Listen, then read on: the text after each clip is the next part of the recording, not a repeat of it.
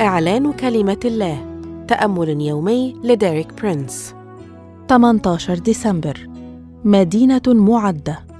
هذا الأسبوع يشرح لنا ديريك برينس حقيقة أن يسوع أيضاً لكي يقدس الشعب بدم نفسه تألم خارج الباب. فلنخرج إذن إليه خارج المحلة حاملين عارة. واليوم يوضح لنا أننا غرباء ونزلاء في هذه الأرض ونسعى إلى وطن سماوي.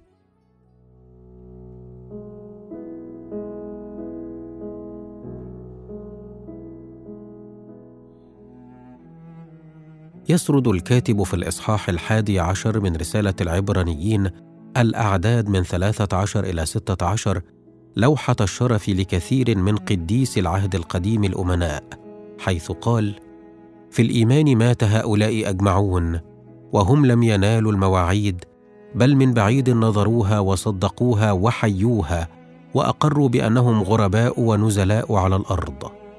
فإن الذين يقولون مثل هذا يظهرون أنهم يطلبون وطنا. فلو ذكروا ذلك الذي خرجوا منه لكان لهم فرصة للرجوع. ولكن الآن يبتغون وطنا أفضل أي سماويا. لذلك لا يستحي بهم الله أن يدعى إلههم لأنه أعد لهم مدينة. اعترف هؤلاء المتقدمون في الإيمان من الرجال والنساء والذين يعدون مثلا نقتدي به في نواح كثيرة بأنهم غرباء ونزلاء على هذه الأرض وأنهم لا ينتمون إلى هذا العالم بل يسعون إلى وطنهم الخاص بهم. هناك الكثير من اللاجئين في عالمنا اليوم ممن يعانون من عدم وجود وطن دائم لهم.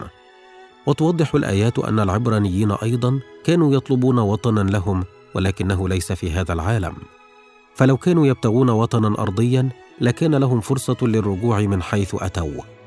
إبراهيم على سبيل المثال كان قادرا على أن يعود إلى أور الكلدانيين ولكنه وضع في قلبه أن يتقدم للأمام. لم ينظر إلى الوراء وهؤلاء أيضا كانوا يريدون وطنا أفضل ألا وهو الوطن السماوي. ثم نقرأ هذه الآية الرائعة لذلك لا يستحي بهم الله أن يدعى إلههم.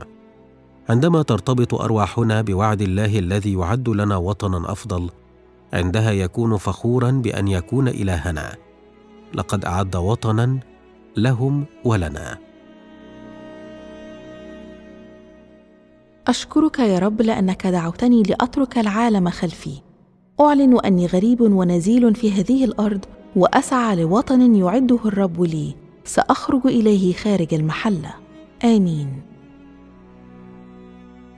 لمزيد من الكتب والعظات لديريك برينس قم بزيارة موقعنا www.dpmarabic.com